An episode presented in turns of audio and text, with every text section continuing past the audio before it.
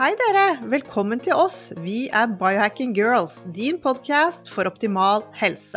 Vi er to jenter bak rattet. Dette er Monica. Og dette er Alette. Vi er biohacking-kollegaer og legger sammen våre erfaringer og kunnskap for å inspirere deg til å ta fatt på biohacking for å optimalisere helsen din. Vi følger med og setter forstørrelsesglass på trender og siste forskning, og snakker med verdens toppeksperter innen trening, life coaching, helse og biohacking. Er du klar for å starte med konkrete hacks, lytte til din egen kropp og ta fatt på din helsemessige reise sammen med oss? Vi ønsker naturlig tilnærming til helsen vår, og vi snakker til både menn og kvinner. Du kan gjerne gi tilbakemeldinger til oss under podkasten her, og slå gjerne til med en god stjerne. Du finner oss også på Instagram og Facebook. Er du klar? Velkommen! Som biohackere er vi veldig glad i å stille spørsmål. Det er det som skiller oss fra mannen i gaten når det gjelder vår egen helse. Ja, for veldig mange stoler blindt på hva legen sier, og som for eksempel hvis du har fått for høyt kolesterol, så hører du selvfølgelig på legen din, iallfall noen, og tyr til medisiner. En biohacker ville lest mye forskning først, og tatt kontakt med flere leger og fordypet seg i faget. Og derifra, når man forstår tematikken, så vil man kanskje måtte begynne med medisiner hvis det var utfallet. Mm. Men det er forskjellen. Mm. Og dette gjelder selvfølgelig også da vaksiner. Vi liker å lese oss opp grundig før vi tar en vaksine. Og vi har så klart tatt noen vaksiner i løpet av livet som har vært helt nødvendig. Ja, særlig i reisesammenheng. Ja, men vi kan også innrømme at vi ikke følte oss helt trygge da covid-19-vaksinen kom på markedet og ble tvunget på folk i hui og hast.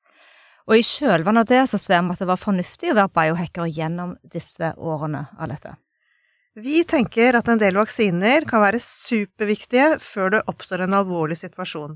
F.eks. smittsom hjernehinnebetennelse, rabies, kikhoste, TBE og mange flere. Men vaksiner har blitt enda mer polisert tema under og etter covid, og det har blitt flere vaksinemotstandere verden rundt. Og det kan virke som det er en krig der ute. Mm. Og i dag skal vi snakke om vaksiner. Når er de livsnødvendige? Hvilke virus som truer livene våre? Og hvilke forhåndsregler bør vi ta? Og dere, følg med helt til slutt, eh, der vi deler noen gode biohacks som vi tror på. Ja, og i dag har vi med oss gjest. Det er patolog Eistein Hellstrøm Hoddevik. Han har doktorgrad i molekylær biologi og nevrovitenskap. Og han jobber til daglig som patolog på Oslo universitetssykehus. Og underviser med Det medisinske fakultet. Han har skrevet boken 'Virus på reisefot' i 2021. Og denne har vi lest, og selv om det handler om et ganske tørt tema, så skriver Eisein så godt underholdende at man nesten ikke klarer å legge den fra seg. Så har du ikke lest den, så løp og kjøp den. Eller finn den på lydbok. Den er skikkelig verdt lesingen sin. Det handler om virus og vaksiner. Velkommen til Biohacking Girls, din podkast for optimal helse. Øystein Hoddevik, velkommen til oss til podkasten. Det er så hyggelig å ha deg her. Tusen takk. Takk for at dere inviterte meg. Du er overlege i patologi. Kan ikke du si kort hva det innebærer? Du sitter nemlig med prøver fra alle ulike legekontor og vurderer, men vi må vite hva du gjør. Patologi er kanskje den medisinske disiplinen som ingen vet hva er, eller alle har glemt hva er for noe, men som alle i løpet av sitt liv kommer i kontakt med. Og som ett eksempel så stiller vi for eksempel alle kreftdiagnoser i Norge, så hvis dere som er kvinner skulle kjenne en klump i brystet deres, så vil dere kanskje få tatt en mammografiundersøkelse, men dere får ikke kreftdiagnosen da, eller eh, avklart hva det er for noe, før noen har stokket en nål inn i denne klumpen, og de cellene, eller den prøven som da tas ut, det havner på vårt kontor. Og helt konkret så er det jeg holder på med i mitt daglige virke, det er hjerte-, lunge- og nyrebiopsier og transplantasjonsbiopsier på Rikshospitalet. Wow. Og når du får disse prøvene, hvor lang tid tar det før du ser at noe er galt? Og det er ganske raskt. Det kommer litt an på. Kreft, vet du hva, det har man forsket på, og der er det faktisk sånn at hvis du tar kunstnere, og så viser du dem et eh, bilde av normalt vev, og så viser du dem et annet bilde av kreft, så klarer selv kunstnere å se at dette er sykt. Så der har man vist rett og slett og gitt bilder til eh, altså som, til mennesker som ikke har noen forutsetninger for å skjønne hva vi ser på, men de skjønner at dette her, her er uordnet, her er det kaotisk, dette må representere sykdom. Så det kan gå veldig raskt. Mye av det jeg holder på med er betennelsestilstander, f.eks. transplantasjonsbiopsiene våre. Så dreier det seg mye om å se er det en avstøtningsreaksjon, Uh, hvor er betennelsescellene hen, Uh, og så kan det jo også være at sykdommen som gjorde at vedkommende har fått et nytt nyre, har kommet tilbake igjen. Så jeg har jobbet veldig mye med betennelse, men så har vi også kreftdiagnostikk. Så noen ganger jobber vi en time med et preparat, andre ganger mye mer. Noen ganger kommer vi ikke i mål. Jeg opplevde en prøve forrige uke hvor vi var seks overleger som så på den, og vi klarte ikke å bestemme oss for nøyaktig hva diagnosen var, men vi var enige om at dette burde ikke være i lungen til denne kvinnen. Ok, så det, det er ikke alltid du finner det du prøver å finne? Nei, det, folk tror kanskje at det å stille en kreftdiagnose er omtrent som en maskin. Du, putter, du trykker på en knapp, og så får du et svar ut i andre enden. Men på veien der så er det mange vurderinger som er gjort. Noen kreftsvulster, der kan du stille diagnosen meget lett. Men vi prøver jo å putte ting inn i alle de kategoriene som har noe å si for pasienten, sånn at pasienten skal få rett diagnose til rett tid, sånn at vedkommende får rett behandling. Men du har skrevet denne boken 'Virus på reisefot', som er fengende og interessant. Veldig bra lesing. Og i dag skal vi snakke litt om virus og vaksiner. Kan vi ikke bare begynne med at du forklarer oss hva et virus er for noe? Jo, veldig gjerne. Fordi i dag tror jeg veldig mange vet det. Der var på mange måter covid-19-pandemien en opplysningstid. Plutselig så vet jo folk på gata hva mRNA er for noe også. Så et virus Jeg pleier å stille spørsmålet tilbake til de som intervjuer meg, og øh, spørre dem er et virus levende eller dødt. Hva tenker du, Monica? Du, det er både både og, tenker jeg. Ja. ja. Jeg er enig. Ja. Litt avhengig av hvor det befinner seg rent fysisk. Fordi egentlig så er det en øh, streng med arvemateriale av den ene eller andre typen. Og virusene, de klarer ikke å kopiere seg selv opp uten tilgang til celler som er kapable til å gjøre det for dem. Men, der, så, men, så, må det være noe liv der for å kunne lage sykdom? Ja, det er nettopp det. Ja. Eh, så sykdommer, altså de aller fleste virus, er jo ikke sykdomsfremkallende. Og de færreste virus, hvis du ser på alle virus, klarer å kopiere seg selv opp i oss mennesker. Så det skal sies at den boka jeg har skrevet, er, det er en bok med tolv kapitler som er bygd opp sånn at hvis du leser den fra start til slutt, så vil du ha en god forståelse nettopp av sykdomsfremkallende virus hos mennesker. Og da har jeg valgt ut ja, sånn ca. 12-14 stykker av dem. Men de aller fleste virus lager ikke sykdom i oss. Og på mange måter så er det helt nødvendige deler av skaperverket og evolusjonen vår. Nettopp. Eh, og så er det òg det at noen mennesker blir aldri syke når viruset ikke når målet sitt. ikke sant? Noen mennesker er skapt sånn at de ikke blir syke selv om et virus kommer. Ja, det er morsomt, fordi ved arvelighet så er det faktisk sånn at det er noen mutasjoner inni oss. Vi har ca. 25 000 gener, vi mennesker.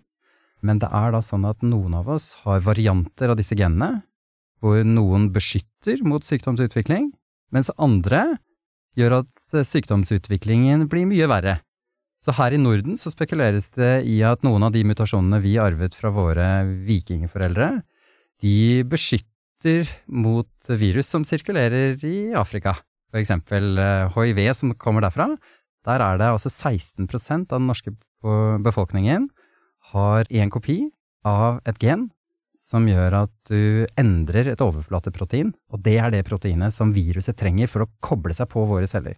Så hvis du har arvet den genvarianten, én kopi av mamma og en fra pappa, så kan du faktisk være immun mot hiv. Det er ett et av mange eksempler.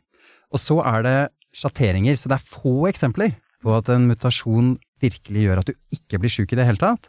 Men som sagt så har vi 25 000 forskjellige gener. Mange av de påvirker også ulike prosesser i kroppen som gjør at man blir syk.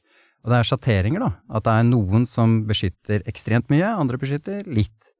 Og det er kanskje en del av forklaringen på hvorfor noen blir veldig syke av enkelte uh, infeksjoner, mens andre ikke blir det. Vertsfaktorer kan man kalle det der. Mm. Jeg har allerede merket at jeg er veldig fascinert av disse virusene. Men hvordan forløper det da når den som ja. blir syk av disse virusene? Hva er det som skjer? Ja, Vi skal snakke om vaksiner, og hva Ja. er vaksiner? Det er en måte å stimulere immunforsvaret på, og sørge for at immunforsvaret hjelper oss med å beskytte oss mot og takle disse inntrengerne som prøver å nå inn i oss, inn i cellene våre, for å kopiere seg selv opp. Men det er klart det at når du har betennelse i kroppen Jeg har hørt litt på podkastene deres, og betennelse er jo et begrep som på mange måter brukes forskjellig. For meg så er betennelse når jeg ser på et preparat, og så ser jeg betennelsesceller. Nøytrofile granulocytter, eosinofile granulocytter, lymfocytter her og masse Det er betennelse for meg. Men mye av det dere snakker om, tror jeg ofte er disse signalstoffene som du kan måle i blod, cytokiner for eksempel, som slippes ut da, av disse betennelsescellene.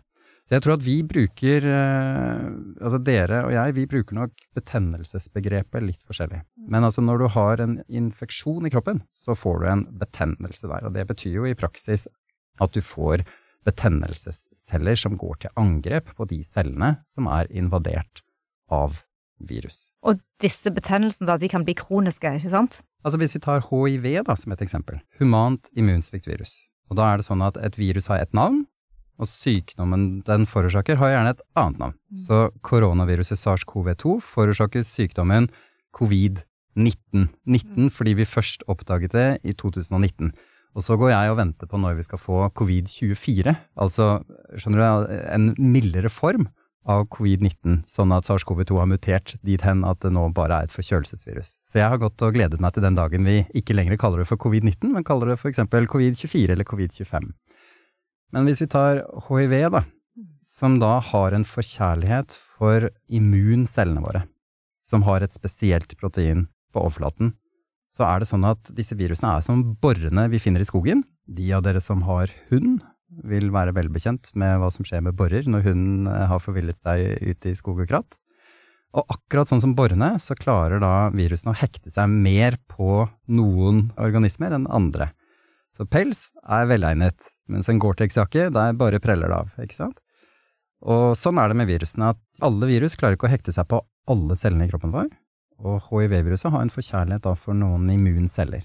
Og da er det nettopp immuncellene våre som vårt immunforsvar da går til angrep på, og derfor utvikler du sykdommen ervervet immunsviktsyndrom, også kalt aids. Så immunforsvaret ditt går til angrep på sine egne celler som har viruset i seg, og vips, så har du en reell immunsvikt.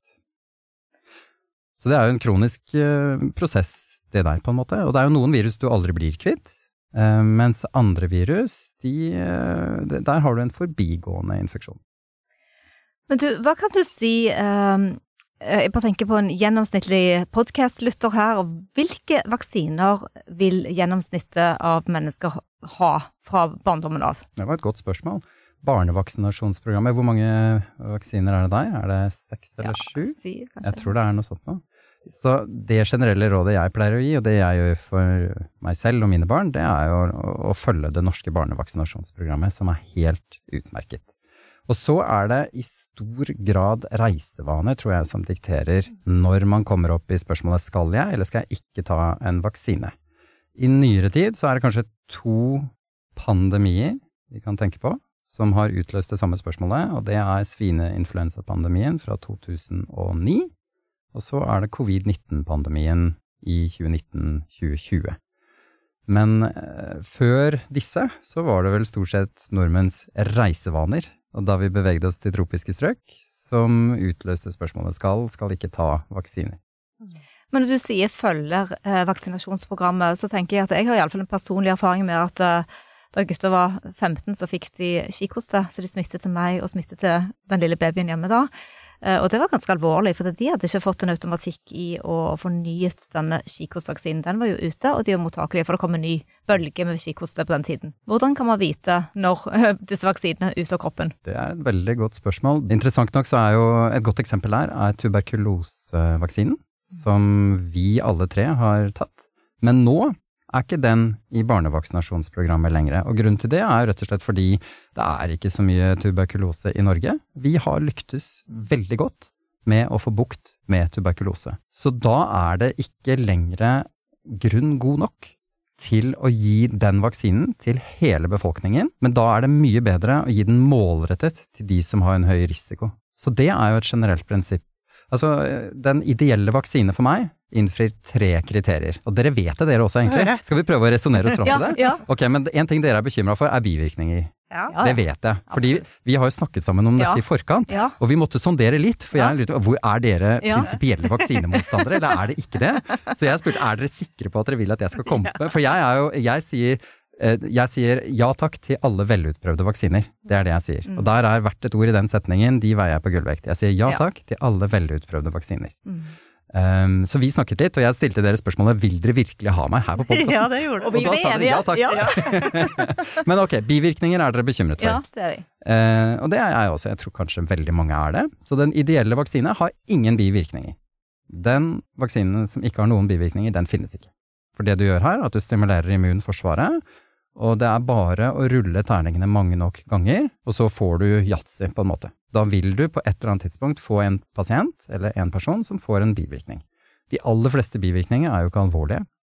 Man sier jo også at rødhet rundt et stikk i armen er en bivirkning, men altså det er ikke den type bivirkninger vi snakker om her. Eh, Det er altså, ting som går over av seg selv, og som ikke medfører noen permanent endring, ikke en sykehusinnleggelse engang, hvor det ikke er fare for liv eller helse. Det er ikke for meg en ordentlig bivirkning. Så en bivirkning, et eksempel som, på, på en sykdom som da helt forferdelig, er narkolepsiutviklingen som eh, noen nordmenn, ganske mange fikk faktisk, etter vaksinasjon med Pandemrix-vaksinen under svineinfluensapandemien i 2009. Narkolepsi er da en hjernesykdom, så når du først har fått den, så blir du ikke kvitt den. Og du, eh, de som får narkolepsi, mange av de blir uføretrygdete. Og dessverre så var det sånn at mange av de som fikk dette etter svineinfluensapandemien i 2009, var relativt unge. Så det var unge mennesker som gikk fra å spørre seg hva skal jeg studere, til kan jeg studere noe i det hele tatt. Så den ideelle vaksine har ingen bivirkninger. Ok, det er to ting til. Kan dere gjette? Hva mer er det som er viktig? Altså hva er hele poenget med å ta en vaksine, da? Jo, At den beskytter, at den virker. at den, at den virker mot det den skal beskytte mot, er veldig viktig for meg i hvert fall. Eh, nettopp, der sa du det. Det siste året. For meg, sa du. Ja. Ikke sant? Så den beskytter mot sykdomsutvikling Ja. for den som får vaksine. Ja. Ja. Og den som får en vaksine, heter da en vaksinand. En vaksinand. Visste dere det? Nei. Det var et ord som nesten ikke ble brukt i mediene i det hele tatt under pandemien. Men uh, vaksinanden, altså. Det er den som får vaksinen. Ja, enig. Så det er hele poenget med å ta en vaksine. Men det er et siste moment der også. Og den polariserte måten å snakke om vaksinasjon på under covid-19-pandemien Og det er den lar seg på mange måter forstå ut fra det tredje kriteriet, for det skal egentlig ikke bare beskytte deg, men det skal også beskytte de andre rundt deg, sånn at du ikke blir smitteførende. Mm. Og der, har vi en del, der kan vi snakke litt om covid-19-vaksinene, for nå kan vi eh, sitte her i studio Mm. og spille inn en podkast om vaksinemotstand. Jeg tør påstå at for to år siden så lot ikke det seg gjøre. Nei. For Til og med uten munnbind. til og med uten munnbind kan vi sitte her nå. og Jeg fikk en klem av deg, Monica, Ja. da jeg kom opp i stad. Det kunne vi heller ikke gjøre for to år siden. Det er spesielle tider, det Ja, det var det. Tenk det. Men det var kanskje vår måte å vaksinere oss på, da, litt grann, at vi holdt avstand. Nå brukte jeg et vaksineord i en helt folkelig sammenheng. Ja, hva tenkte du på Nei, da? at, nei, ja, at man holdt avstand, man brukte munnbind, og man Ja, vi var veldig redde. veldig Eller det var mange som Ja. var veldig redde. Ja. Jeg var ikke så redd da, men eh, jeg er ikke så veldig redd for noen av disse krypene egentlig. Du kan sånn. jo ikke det når du sitter og holder på med dette hele tiden. Nei, det kan du si. Altså, vårt fokus var virkelig å bare prøve så godt vi kunne å styrke immunsystemet vårt Ja. på den tiden der, og Ja. tenke at vi skulle være sterke nok. Ja, Det er et interessant spørsmål, for hva betyr det? Og da må jeg støtte meg litt på Anne Spurkeland, som eh, er professor i anatomi, hvor jeg tok doktorgraden min. For hun bruker jo ikke ordet styrke immunforsvaret, hun sier at du skal ha et hva er det hun kaller det, velregulert eller eh, eh, kontrollert immunforsvar. Det, det, det, det er et interessant spørsmål. Mm. Eh, hva kan man gjøre hvis man ikke bruker vaksiner for å hjelpe immunforsvaret sitt? Ja, du skal ikke ha mangel på eh, vitaminer og sånt noe, det skal du ikke ha. Men å bruke kosttilskudd for eksempel, det har ikke jeg noe tro på, altså. Det tror jeg ikke. Men, men kan jeg fortelle dere noe morsomt? Ja. Um, dere har jo dere har barn, Ja. eh, så dere har opplevd barnehagetiden. Mm. Ikke sant? Eh, min opplevelse da jeg eh, jobbet som, eh, eh, altså som lege på sykehus på indremedisin, det var at jeg var nesten aldri sjuk. Selv om jeg hadde massevis av smittsomme pasienter eh, foran meg hele tiden. Du ble eksponert. Jeg ble, jeg ble sjelden skikkelig sjuk, egentlig. Nå jobber jeg på en lab hvor jeg, altså jeg blir jo eksponert via mine barn som går i barnehage, men min fornemmelse er også at barnehageansatte og lærere Det er sjelden at de er hjemme. Ok, de blir slitne og trette, og noen av de får jo kreft for all del, altså, men smittsomme sykdommer, så hadde jeg en klar fornemmelse at da jeg kom tilbake fra ferie, så hadde jeg en tendens til å eh, få litt vondt i halsen. Men så resten av året, da var jeg ikke sjuk i det hele tatt. Så det er klart at hvis du eksponeres i små doser for massevis av forskjellige virus hele tiden, så vil jo det sørge for at immunforsvaret ditt, at noen av disse generelle måtene som immunforsvaret reagerer på, de er aktivert hele tida. Og der hadde vi, vår familie, vi hadde en forretningsidé da covid-19-pandemien kom, og det var at vi skulle rett og slett begynne å selge forkjølelsesvirus på sprayflaske. Sånn at du kunne bare selge det. Og så her har du litt koronavirus, men ikke SARS-CoV-2. En av de fire-fem andre som sirkulerer. Fordi faktisk så er det sånn at hvis du er sjuk med ett virus, så er det ganske sjeldent at du blir sjuk med et annet virus samtidig. Du aktiviserer, altså du setter immunforsvaret i sving, og da har du en god del forsvarsverk som vil gi deg en ganske god beskyttelse. Det er absolutt ikke hva skal vi si, kosttilskudd som kanskje dere var på jakt etter. Nei. Men ikke sant, hvis, sagt på en annen måte, hvis nesa di renner hele tida, det, er- det er litt vanskelig for et annet virus å renne opp i den fossen der, da. Det var litt morsomt da vi hadde covid. Vi fikk jo eh, mange meldinger om folk som lurte på om de kunne få, om de kunne hoste inn i en klut og legge i postkassen så de kunne komme og hente av, av de vaksinemotstanderne til alle de som ikke ville ha vaksiner, eh, som hørte på podkasten vår. så det var Men jeg lurer på en ting, og det eh, er alle disse barnesykdommene, vannkopper og kusma og all- alle disse her Nå når alt dette blir vaksinert mot, hva skjer med utviklingen eh, til barn da i forhold til det med sykdom senere? Vet, vet vi noe om det? Dette er kanskje litt på siden, men eh, Oi, det var et veldig stort spørsmål. Ja, og så var det ja, det- mange sykdommer og ja. flere virus i en og samme setning der. ja, for Men jeg tenker at hvis du bare blir vaksinert mot alt mulig Og det er jo ikke noen dødelige sykdommer. Eh, vannkopper blir vi vel ikke vaksinert mot? Nei, det er nettopp det. Så det var det jeg skulle si. Ja. Vet du hva jeg pleier å si, for det er jo da varicella soster, som er i herpesfamilien. Altså når man skal formidle kunnskap til folk flest, så må du finne gode formuleringer. Mm. Om herpesvirus så pleier jeg å si at du kan ta av deg gifteringen, men herpesviruset som foræres deg gjennom et kyss, det varer livet ut. Mm. Så i likhet med herpes simplex, som gir deg forkjølelsesår på leppene, så er jo da vannkopper, ikke sant, som du da du kommer ut av øh, mor, og så vil du på et eller annet tidspunkt møte dette viruset. Det er et herpesvirus, så det ligger i kroppen din, i nerverøttene, livet ut.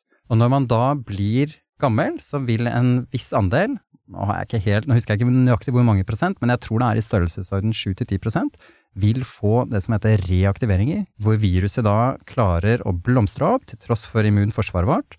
Og typisk da så blomstrer det opp i en nettopp nervegren, og gir deg det som heter helvetesild. Mm. Som er et ganske treffende begrep, fordi det gjør jo da veldig, veldig vondt. Og noen av de der, der får kroniske smerter etterpå. Så helvetesild, det bør man ikke ha. Og nå finnes det jo vaksiner som man kan ta når man eh, har blitt, eh, hva skal vi si, tilårskommen, om vi skal si det sånn.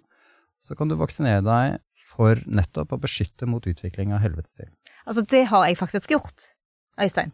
Så bra. Ja, så jeg har tatt varicella zoster-virusvaksine, fordi at eh, det er jo et forkjølelse... Nei, eh, vannkoppevirus. Det er et Ja. vannkoppevirus som kan reaktiveres, som du sier. Ja. Så det er faktisk en av de vaksinene jeg har lest meg opp på at det er fornuftig å ta. Men hvilken, for det er to varianter. Du har den levende svekkede, som Ja. jeg, vet du hva, jeg vurderte å gi den til mine barn, for de var blitt ganske gamle. Ja. Og da, amerikanerne, de vaksinerer nemlig med denne vaksinen her. Og grunnen til at de gjør det, hva tror dere det er? Det, det, fordi vi vet ennå ikke om den levende svekkede vannkoppevaksinen vil beskytte mot utvikling av helvetesild. Til det så har den ikke vært brukt lenge nok. Det må jo da bokstavelig talt en mannsalder til før du får det svaret. Men da blir ikke disse amerikanske barna syke av vannkopper, og dermed så trenger ikke foreldrene å være hjemme med dem. Og i USA så har de ikke den type sosiale stønader ja. som det vi har. Er I det Norge, grunnen? Ja, det, det mener jeg i hvert fall. De amerikanerne jeg kjenner som har vaksinert sine barn med det, de sier det at eh, nei, da slapp jeg å være syk hjemme, for jeg måtte være på jobb.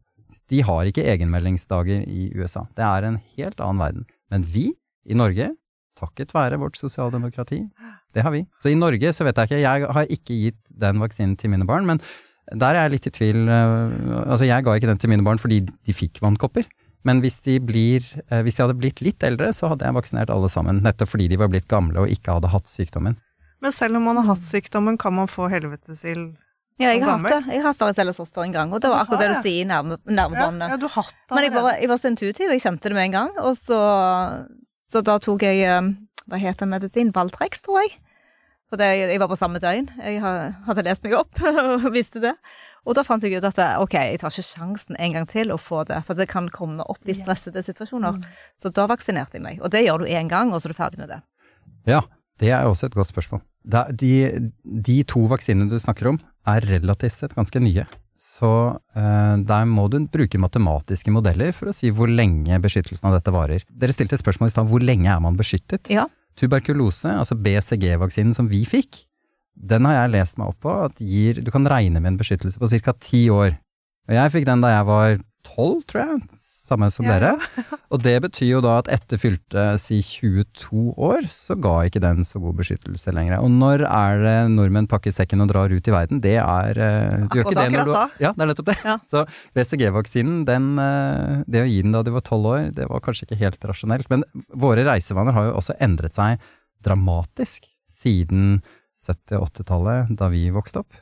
Um, så svaret på hvor lenge det beskytter, det vil jo det vil være avhengig av hvilken vaksine du gir. Og så vil det selvfølgelig også være avhengig av hvem du er.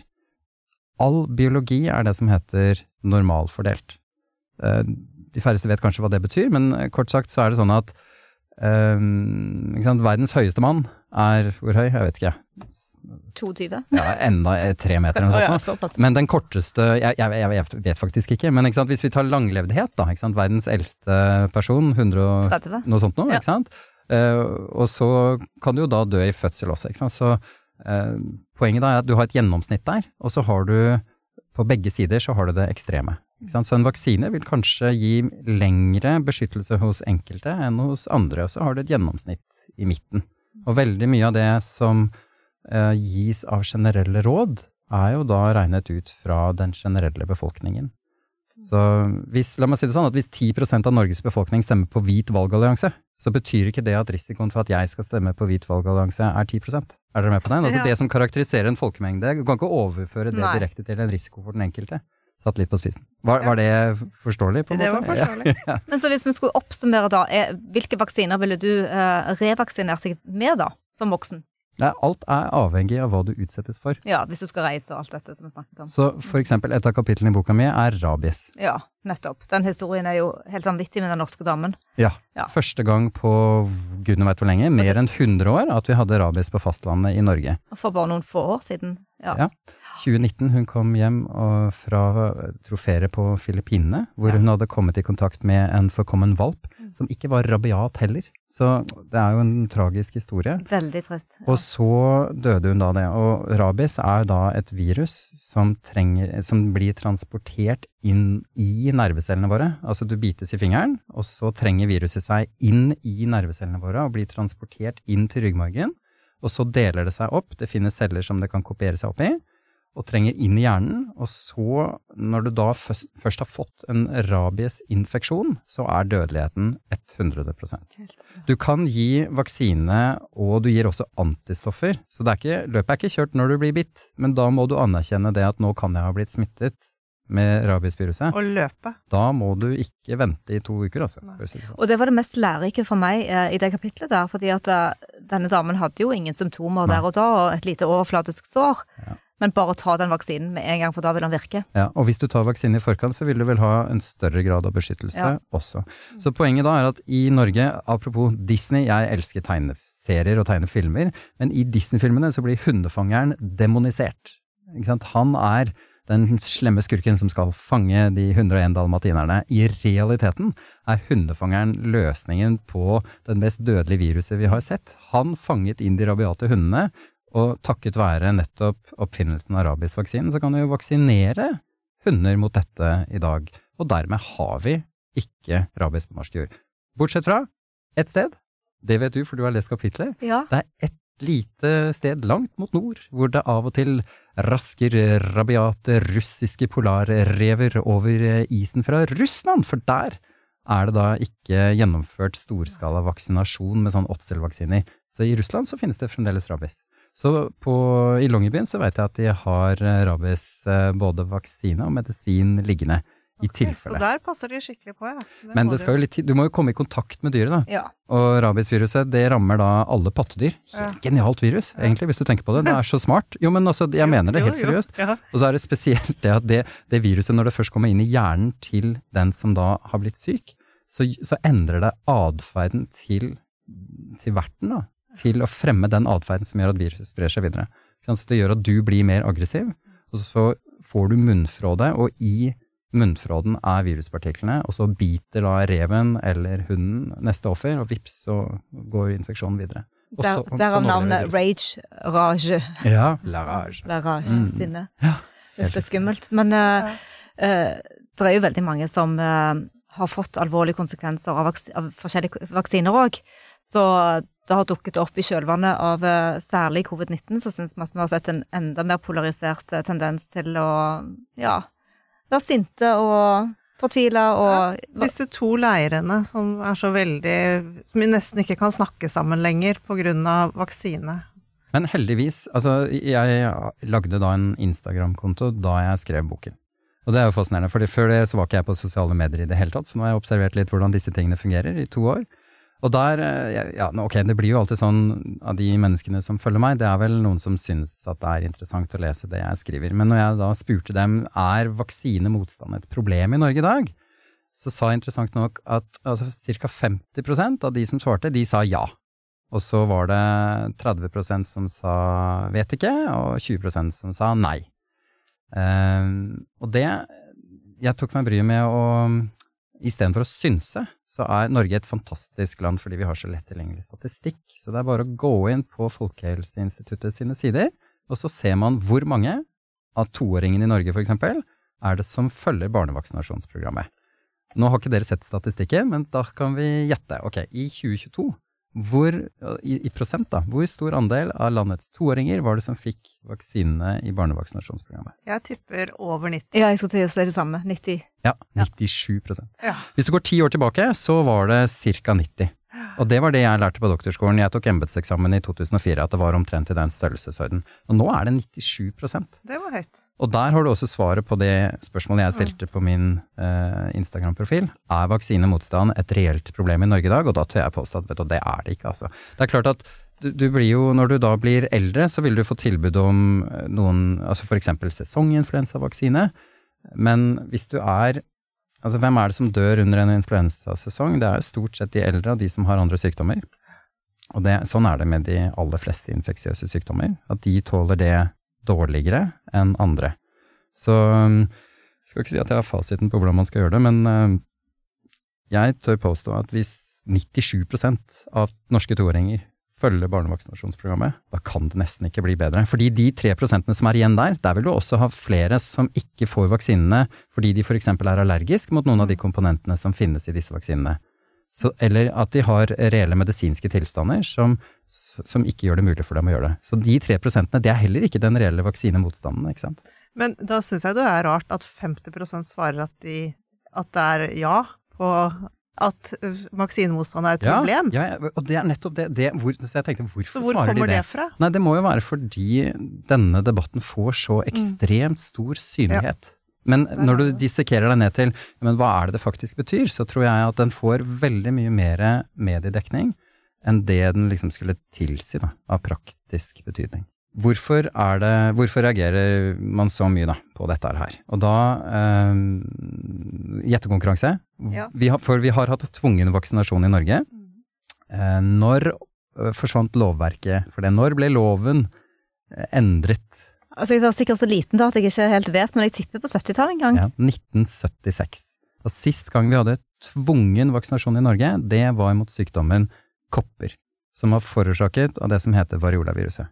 Og rett før vi gikk inn i studio her nå, så nevnte jeg variolaviruset og kopper for dere. Da sa dere 'hæ, hva var det for noe?' Ja, hva var det? Og der, det at dere ikke vet eller husker hva det er for noe, det er selve beviset på at moderne medisin og vitenskapen har lyktes eksepsjonelt godt. Mm. Fordi variolaviruset som forårsaket sykdommen kopper, ble altså erklært eh, utryddet av Verdens helseorganisasjon på frigjøringsdagen den 8. mai i 1980. Helt utrolig. Og det er det første sykdomsfremkallende viruset, eller det eneste sykdomsfremkallende viruset hos mennesker som vi har klart å utrydde. I hele verden? Ja du. Så det finnes frosset ned da, hos stormaktene, daværende Sovjetunionen og USA. Så de fikk beholde kopier av viruset som er nedfrosset, med tanke på eventuelt å kunne forske på det og lage vaksiner. Det var også USA og Russland som i stor grad finansierte Verdens helseorganisasjon sin kampanje, som starta i 1967, startet kampanjen. Og sånn jeg har lest det, så var det faktisk Russland som tok initiativ på 50-tallet og sa denne sykdommen kan vi faktisk kvitte oss med.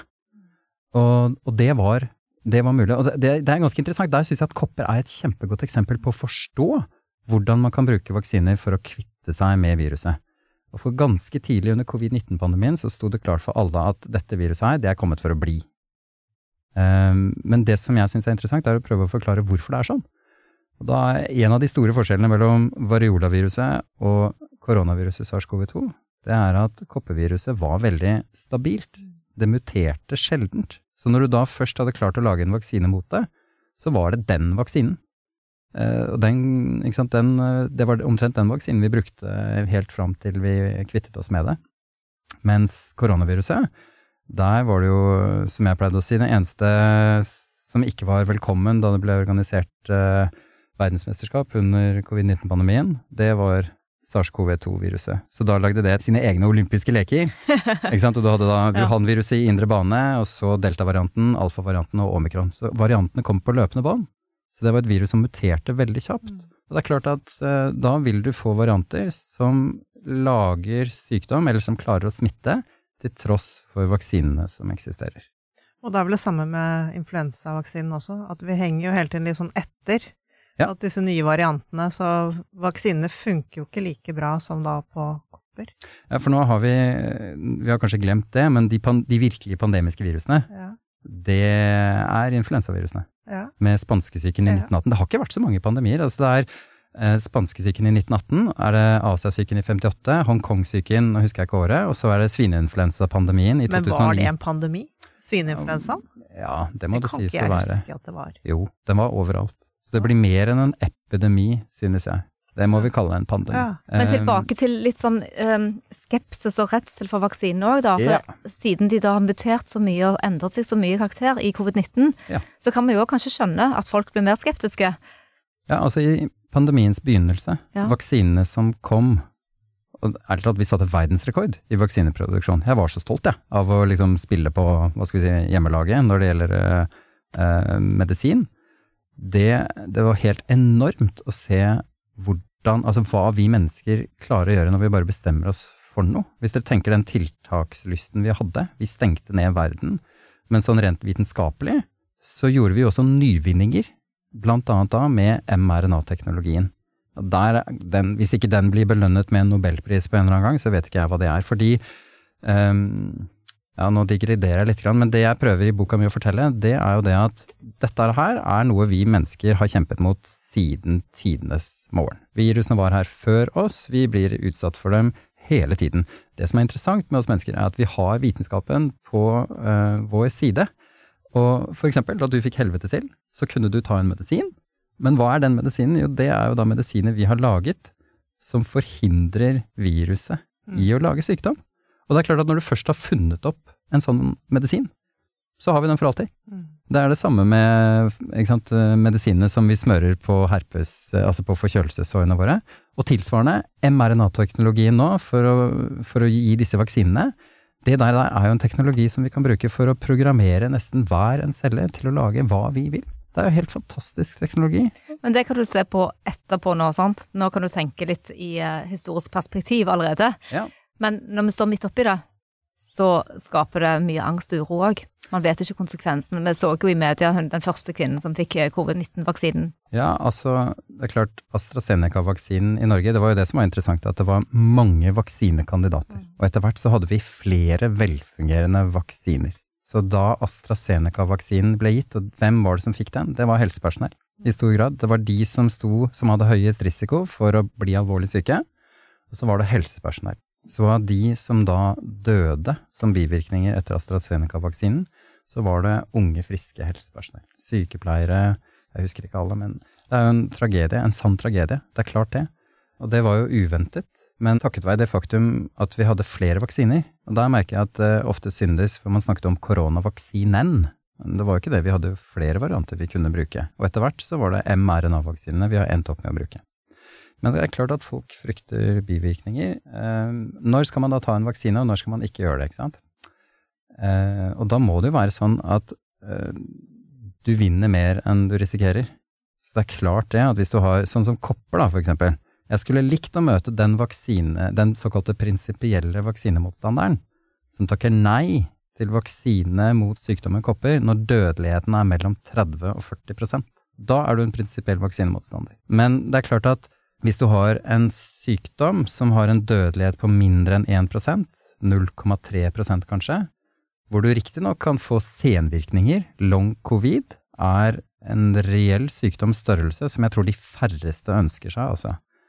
Så, så vil jo svaret hos den enkelte ligge i å veie for og imot. I pandemiens begynnelse, da det var Wuhan-viruset og alfavarianten som sirkulerte, så ga vaksinene beskyttelse også for andre. Altså det var et altruistisk element i det. Og det som var fascinerende, var at med delta- og omikron-variantens ankomst, så forsvant på en måte altruismen. Plutselig.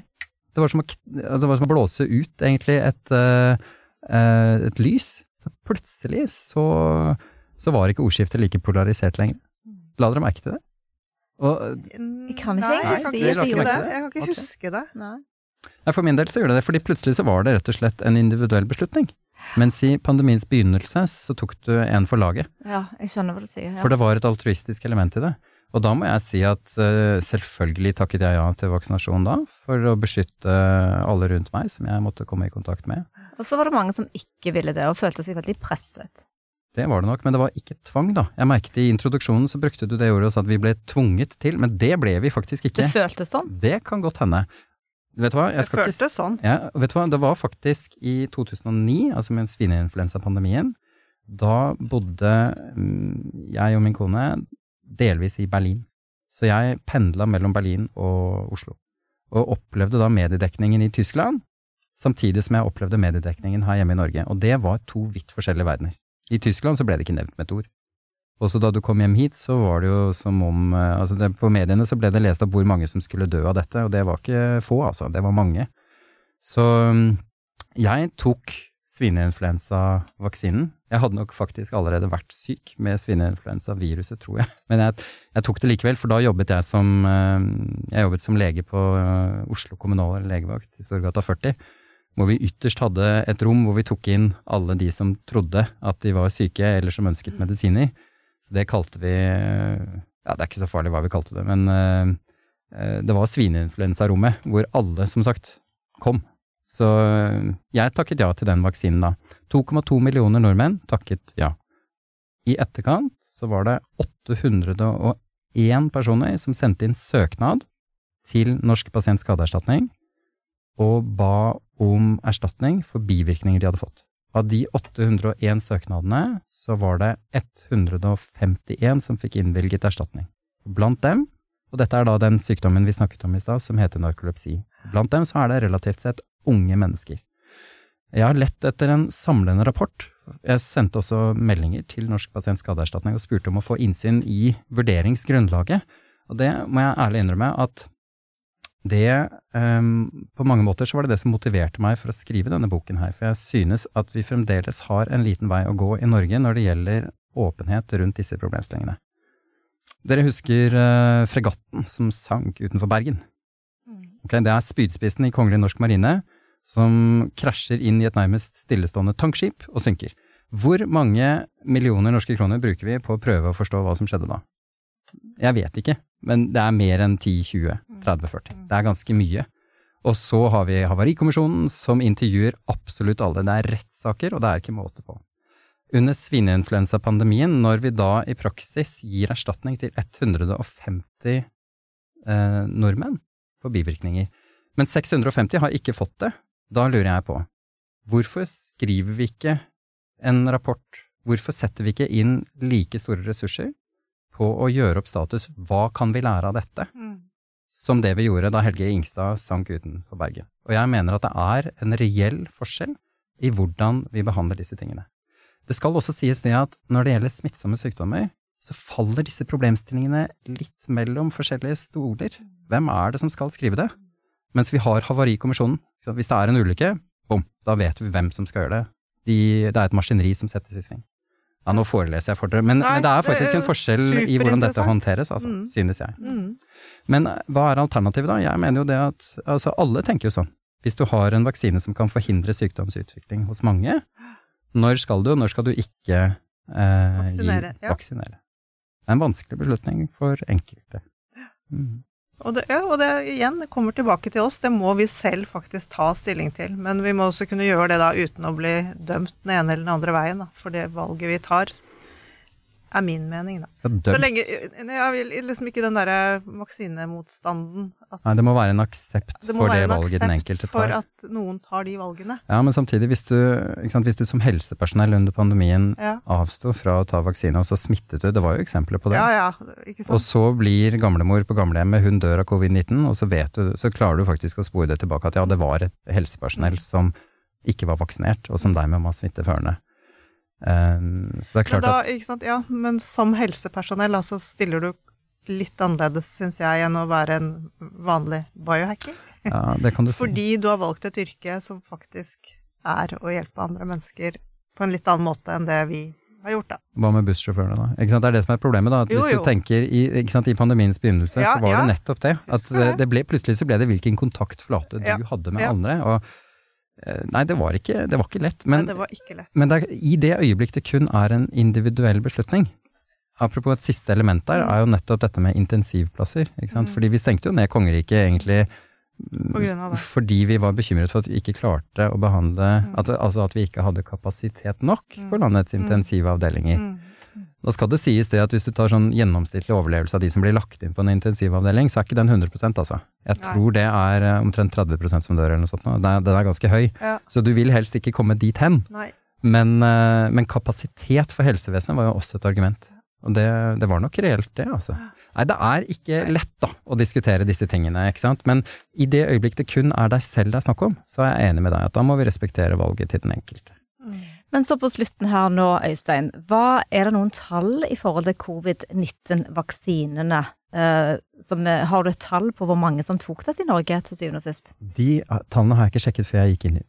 Men de, den statistikken er der jo. Det ja. var ekstremt høyt. Ja. Og det var jo det som var fascinerende. Ja. Husker de tabellen ute i vi, var jo, vi hadde i Norge hadde mye Hva skal vi si, det var mange flere som tok vaksine i Norge enn i andre land hvor det var innført ved lov omtrent. Mm. Og straffbart. Mm. Så nei, altså summa summarum, fordi jeg forberedte meg før jeg kom inn hit og stilte meg spørsmålet er vaksinemotstand er det et reelt problem i Norge eller ikke? Jeg tør påstå at det er vi ikke. Vi har i stor grad tillit til eh, hva skal vi si, til helsevesenet vårt og til de rådene vi får. Og de rådene er jo ikke Altså, de er godt tufta, altså de er tuftet på vitenskap. Og så er det klart at mannen på gata får jo ikke nødvendigvis innsikt i alle de avveiningene som gjøres, og tidvis så er det, det er ekstremt vanskelig også. Når skal eh, Helse-Norge trykke på den røde knappen og si nå kjøper vi inn ekstreme mengder med vaksiner? Som kanskje ikke er utprøvd sånn som vaksinen i barnevaksinasjonsprogrammet er det. Når skal vi, og når skal vi ikke gjøre det? Det er ikke lett, altså. Nei, det er ikke lett. Uh... Det var veldig interessant å snakke om. Eh, og vi kommer nok ikke til noe sånn konklusjon på dette, men det er utrolig spennende og veldig opplysende. Så vi får sikkert både glade og provoserte lyttere ja. av denne samtalen her. Det er fint, det liker vi. Eh, og, sånn, det liker vi. Og, og, det er jo kanskje når man tenker litt holistisk på helsen vår, da, at man ser det store bildet, man jobber med kosthold og med trening og alle andre strategier for å styrke oss, da, for å, ha det, å stå litt stødigere i oss mm. selv. Mm. Ha god helse, det er jo det vi er ute etter hele tiden. Det er det. Men uh, det var hyggelig at du kom. Takk. og delte all din kunnskap. Ja. Husker du hva jeg sa, hvis jeg får lov til å oppsummere? Ja. Jeg sa jeg sier ja takk til alle velutprøvde vaksiner. Det er, det er mitt generelle inngangs, uh, hva skal vi si, inngangsargument i møte med vaksinasjon. Men det er klart at god helse er også bra. Hvis du blir alvorlig syk, så vil jo på en måte den helsen du har i det øyeblikk du havner i sykesenga, den vil jo kunne absolutt avgjøre hvordan det sykdomsforløpet blir. Jeg tror det er vanskelig å se for seg noe annet enn vaksiner hvis man skal på en måte hacke denne problemstillingen her. Mm. Her er det heller virusene som hacker oss, fordi de endrer seg jo. De er villige til å endre seg, de, for å ha livets rett. Det er en vanskelig problemstilling. Tusen takk for at dere inviterte meg. Jeg syns det var kjempe ja, ja, tøft av dere å gjøre det, egentlig. Det er ikke bare bare å snakke om vaksinemotstand for uh, alle som vil høre på. Nei, det er det ikke. Vi får se hvordan det går, da. Ja. Vi får kanskje oppsummere med litt vår egen uh, refleksjon. Ja. Tusen takk for at du kom, iallfall. Spørsmålet vi stiller her er jo om vaksinemotstandere er et reelt problem i Norge eller ikke, og vi er vel enige om at det ikke er et så utbredt problem som mange andre steder. Jeg valgte å avstå. Noen sier ja takk til alle velutprøvde vaksiner, og det viser seg jo at det kan være lurt, som f.eks. med rabies og noen andre, for virusene de hacker oss fordi de endrer seg. Og vi har ikke svaret på alt enda. Nei, jeg joiner Øystein på den velutprøvde vaksinen. Den, den går jeg for, men jeg er også veldig skeptisk. Jeg tar ikke vaksine bare for å ta det. Nei, jeg har som sagt tatt den varicella zoster-vaksinen. Dvs. Si den som er en vaksine mot utbrudd av varicella zoster, uh, helvetesild. Men ikke den som er mot selve vannkoppene, for det hadde jeg jo som barn, og det er jo derfor man får det utbruddet. Så det, det syns jeg var en grei uh, vaksine å ta. Ja, og da er det gjennomtenkt og veldig, veldig greit. Og jeg kommer helt sikkert til å ta flere vaksiner hvis jeg skal driste meg f.eks. på reiser til land hvor jeg vet det er rabies og sånne ting. Så syns jeg det er dumt å ikke gjøre det. Så man må ta disse valgene ut fra hvor, hva man driver med. Men vi ønsker jo stadig eh, dette med å heller tenke på at kroppene våre må være sterke og tåle disse sykdommene.